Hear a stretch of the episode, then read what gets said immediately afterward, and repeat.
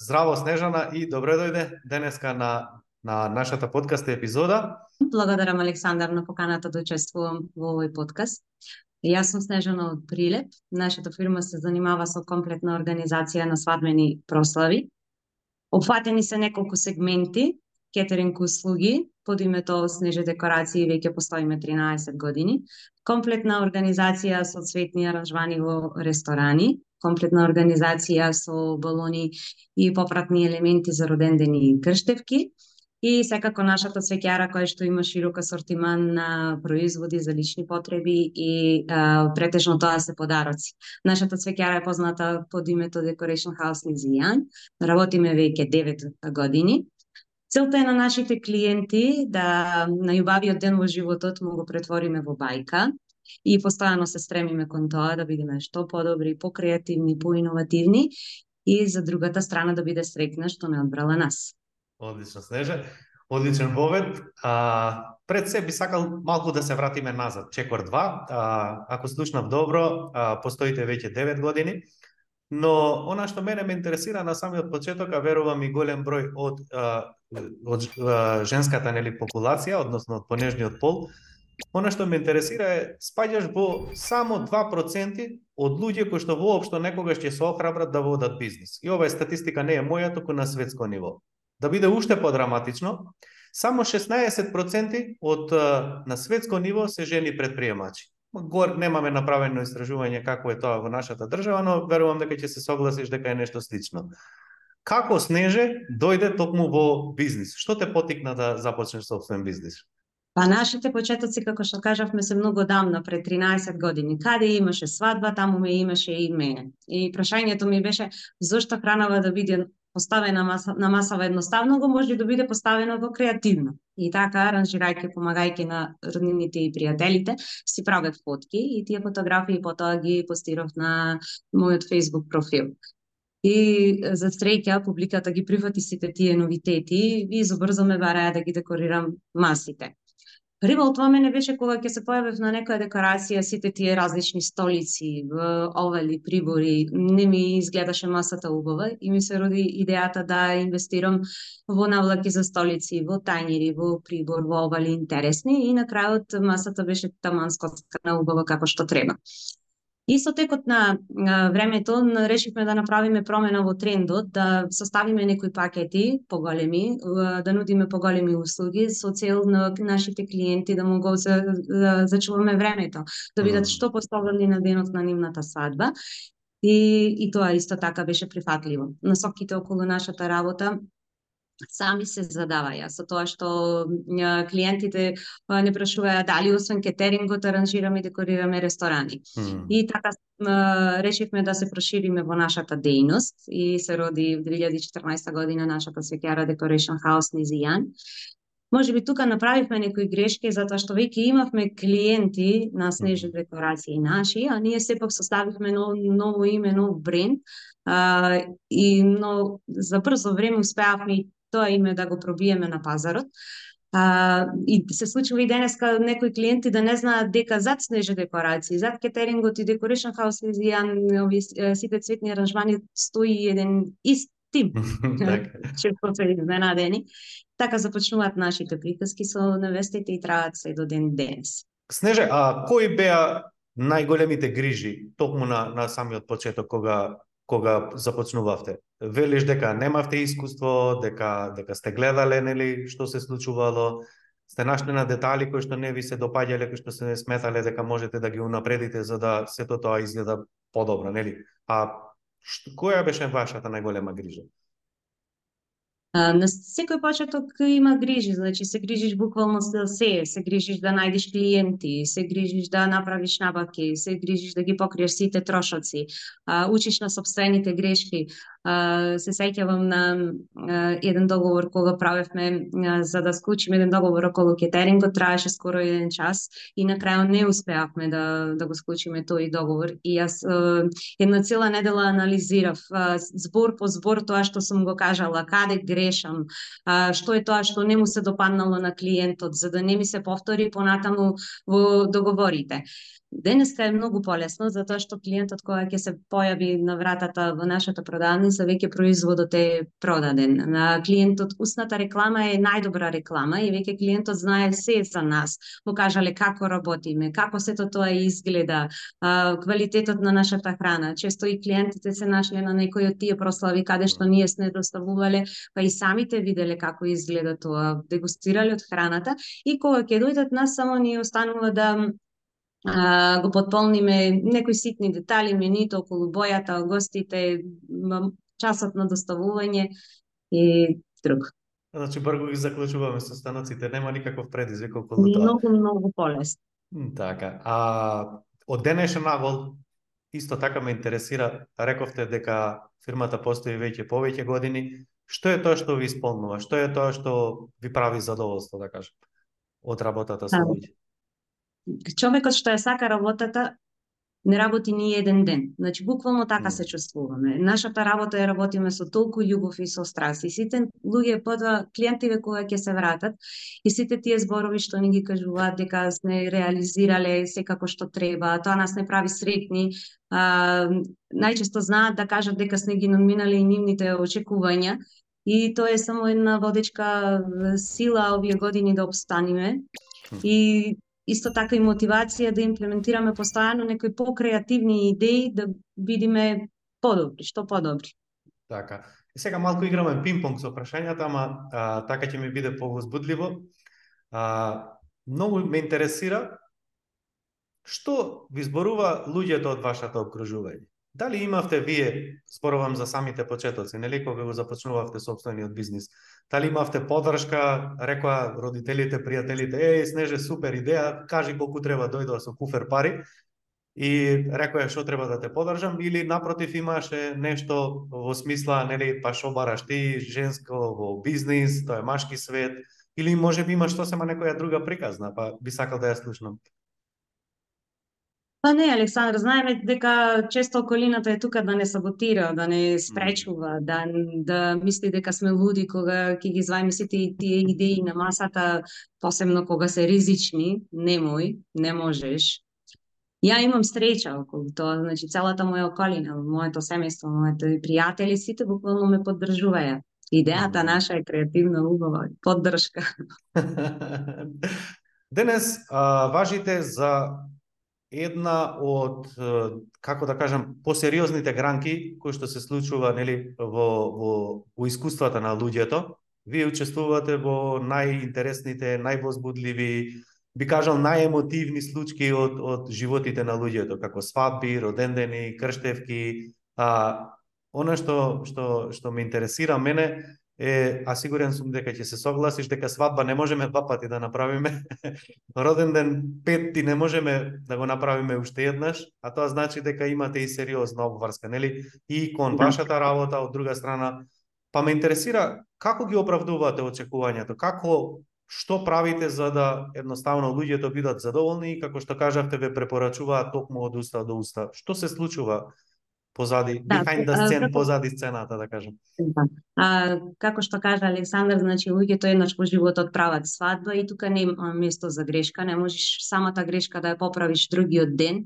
А, тие стравуваат дека да не почувствуваат страм пред поканетите гости, треба да ги состават повеќе тимови како камера, музика, флизер, кетеринг, сите и сето тоа да биде професионално. И имаат голем притисок, голем стрес А, ние, например, научивме како тој стрес да не се наметнува над, над нас, да си имаме доверба во себе си, дека тоа ќе биде секако што треба. Самите години го прави тоа да се почувствуваш дека од премногу што го работиш, веќе си професионалец во нештото и си имаш доверба дека ќе го сработиш. Е сега неколку пати се има случајно да имаме ние предизвици во текот на тој пат, ама гледаме најбрзо што може да ги елиминираме. Да биде да. секако што треба и луѓето да бидат задоволни. Така, и ова ми е исто така интересно. А, имаш ли поддршка од сопругот? А, нашата фирма е семеен бизнис во кој што сите овие успеси не се лично мои, успеси се на мојот сопруг, успеси се на мојата сестра, на сите од потесното семејство. А, знаеме меѓу себе да се поддржуваме сите комплетно. Значи ја имате целосната поддршка на и Да, буквално да, важите за сите семеен меѓу себе, значи си помагаме, се поддржуваме. Добро, веќе еве 13 години, се навикнавме. Кога денес би била на самиот почеток и треба да започнеш бизнис. Значи те враќам назад на самите почетоци. Што мислиш дека е пресудно за успех и или ако би го преформулирал прашањето, што би препорачало денешен аспект на таа Снежана од тоа време? Јас би кажала да дека пресудно е првен да се знае што се сака, да се верува во тоа што се сака, да се има една конкретна цел поставена, поможно сако е и временски ограничено би било подобро, али целта да се работи со со страст, со љубов, со желба, да се сака да се успее и така успехот би бил неминовен.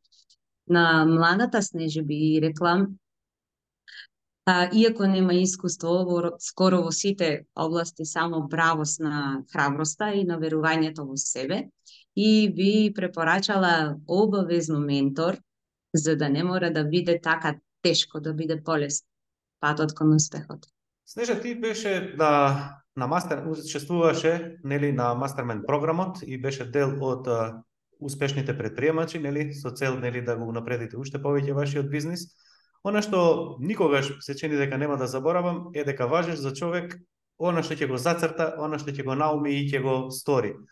Можеш ли да ми кажеш, односно да, да споделиш со, со луѓето кои што ќе го гледаат овој подкаст, а, како тоа го правиш? Оти често пати знаеш и сама, нели, кога на вежбите препорачуваме, нели, некои техники, некои работи, на некому му изгледа тоа како нереално, како детинесто, па еве, како ти можеш ли да споделиш со нас?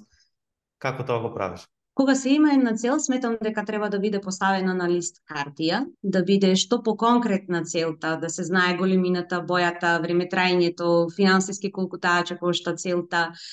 А, бидејќи мозокот размислува во слики, мене ми е многу полесно кога го правам преку тоа преку цртежи и тој цртеж често знам да го поставам некаде на зидот, каде постојано ќе биде во мојот видик и да ме подсетува кон мојата цел. И на моите клиенти знам често да му цртам како ќе изгледа таа во салата декорацијата, за да имаат подобра слика околу тоа што треба да се направи. Um, луѓето мислат дека е детинесто, но зашто да го убијаме детето во нас? Тоа е убаво и прекрасно чувство. Многу фино го кажа. Многу, многу, многу фино го кажа. А, ако, ако фактички, ако нашиот мозок размислува во слики, а ние не комуницираме со нашиот мозок на идентичен јазик, а тоа е преку слики. А, мислиш ли од твој аспект дека всушност и луѓето дел од она што не го постигнуваат е едноставно затоа што не си дозволуваат време да застанат сами со себе, да нацртаат, да си објаснат, да го опуштат мозокот, односно Да, свесно да може креираат. Да, затоа што тоа цел може би ќе дојде во самиот момент, а, нема ќе дојде и ќе замени. А Мм. кога е конкретно поставено, па и да го гледаш пред тебе, нема мора да се оствари, нема план Б. Одлично. А, знаеше, чисто баш ме интересира, што тебе највеќе ти остави впечаток од Mastermind програмот? А, имавме различни работи, нели, може би а, видеата едукативни, вежбите, Power Hour, односно секоја среда, нели, имавме средби во живо, може би тренингот во Хилтон или дружењето, поддршката од луѓето. Што кога би издвоила еден сегмент, што за тебе имаше најголема вредност? А, програмот Mastermind е прекрасен од почеток до крај. Менторот е уште подобар. Кога си има една поставена цел, патот знае да биде многу тежок и да временски да трае долго. А менторот ти е како да, подобро да го поминеш патот во пократок временски период. Од мастермајндот, од видеата има премногу да се научи. Во сите модули, од сите тие вежби што ги вежбавме таму, можат само да ти помогнат во текот на работата, да ти ја олеснат работата каучинг еден на еден со менторот може само сите челични уверувања што мислиш дека правилно размислуваш да ти ги промени, ти може би грешиш да те однеси во правилни насоки. А, Хилтон сам по себе своја приказка преубаво там. Само сакам на а, следните учесници на мастер а, да му кажам да се уклучуваат на сите тренинзи секоја среда, да ги решаваат сите вежби од среда за среда, да ги имплементираат сите со, со совети дадени од тебе и од групата, само на таков начин би имало промени во нивните бизниси. Јас сум сведок на учесници од Мастермайндот каде што а, го правеа ова редовно и редеа успеси за успеси во краток временски период пред а, нашите очи. Да, а како влијаеше групата на тебе? А, дали дали беше тоа група на подршка или група на разочарување? Ја не можам да замислам да бидам во подобра група од нашата. Таму имаше луѓе кои што а, многу имаше да се научи од нив, од нивните приказки, а, некои од нив веќе го има поминато патот во кој ти, ти врвиш, па така многу ти давае совети кои можеш лесно да ги имплементираш во твојот бизнис да биде побрзо. Групата знаеше често а, да ги освести сите твои грешки кои ги правиш, а и да те поддржи во сите твои очекувања. И на крајот на сето тоа само имаш уште плюс пријатели. Се беше прекрасно. Така, и за самиот крај, а, знам дека времето брзо поминува, а, ми е интересна една твоја изјава, повторно ќе кажам дека нема да ја заборавам, велиш, е сега дури мене ми текна што сакаше да кажеш у таа емисија. Е сега ми текна што сакаше всушност. Или велиш, додека работевме, од после нели е се за ова зборува Александар. Што мислиш? Да, зашто кога да Да, зашто кога ги примаш сите тие информации во тој момент ти се само информации. Се што сум те слушнала во текот на на тоа кога беше моментот на пракса цело време ми текнуваше о ова е тоа што го вика Александар, а ова е овдека што грешиш. Го ги освестуваш грешките на во моментот кога ги правиш, а инаку не знаеш дека се грешка. И полека полека постепено применуваш чекор по чекор. Последното прашање би ми било, а, од сето твое досегашно богато искуство, што мислиш дека ги, ете, ги спречува предпремачите да го растат нивниот бизнес?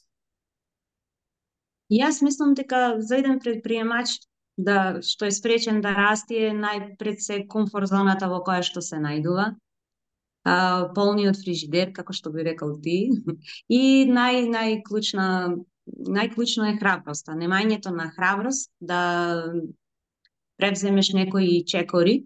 Комфорт зоната е таа, си викаш што ни треба сега следен чекор, да, да растиме, види колку ни е убаво, не, не ни требаат дополнителни стресови.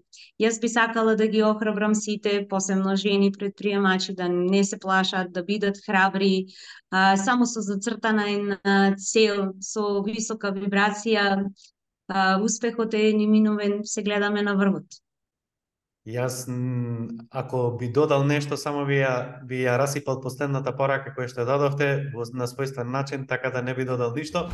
Снежа ти благодарам што беше дел од денешниот наш подкаст и благодарам што ги сподели своите искуства се надевам дека ќе охрабриме некој, нели, кој што е моментално е на, на, на самиот почеток и размислува дали да се охрабри за собствен бизнис или или може би стагнира па да се охрабри нели да исчекори понапред. Ти благодарам уште еднаш и се гледаме во некој следно видео во кое што ќе кажеш што е тоа што е следно во вашиот бизнис. Секако, благодарам Александар. Поздрав, поздрав, чао, чао.